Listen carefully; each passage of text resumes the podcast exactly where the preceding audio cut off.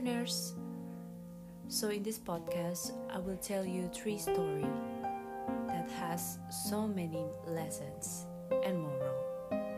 Let's start with the first one.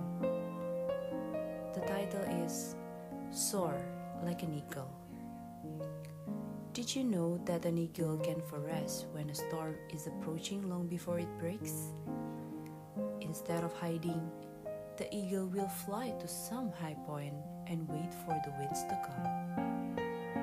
When the storm hits, it sets its wings so that the wind can pick it up and leave it above the storm. While the storm rages below, the eagle soars above it. The eagle does not escape or hide from the storm. Instead, it uses the storm to lift it higher. It rises on the stormy winds, which other dreads.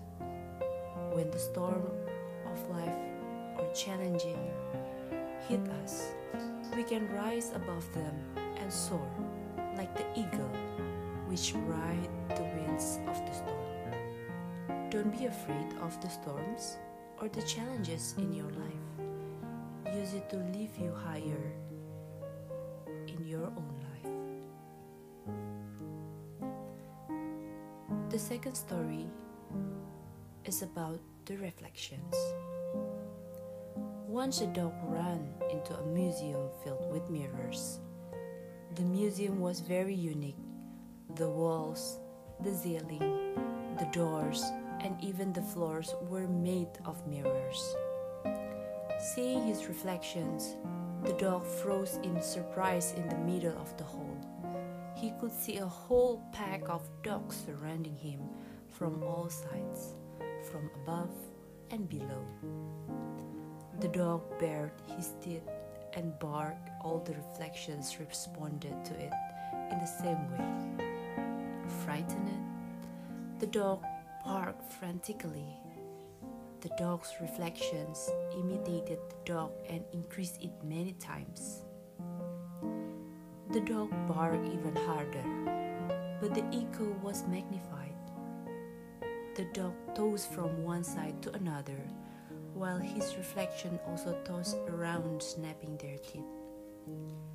Next morning, the museum security guards found the miserable, lifeless dog surrounded by thousands of reflections of the lifeless dog.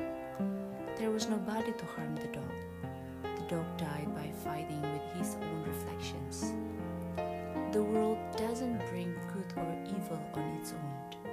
Everything that is happening around us is the reflections of our own thoughts, feelings, wishes, and actions. The world is a big mirror, so let's strike a good pose. The last story is about shark bait. A marine biologist was involved in an experiment with a shark. He placed a shark in a tank along with other small bait fishes. As expected, the shark ate every single fish. The marine biologist then inserted a clear fiberglass to create two sections with the tank. He placed the shark in one section and smaller fish in the other sections. The shark quickly attacked, but then he punched off the fiberglass. The shark kept on repeating this behavior. It just wouldn't stop trying. While the small fish in the other sections remained unharmed and carefree. After about an hour, the shark finally gave up. This experiment was repeated several dozen times over the next few weeks. Each time the shark got less aggressive. Eventually, the shark got tired and simply stopped attacking altogether. The marine biologist then removed the fiberglass. The shark, however, didn't attack. It was trained to believe in the existence of a barrier between it and the bait fish.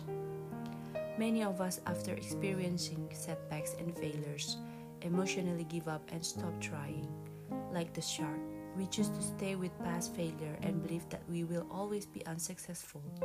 We build a barrier in our heads even when no real barrier between where we are and where we want to go. Don't give up. Keep trying because success may be just a try away.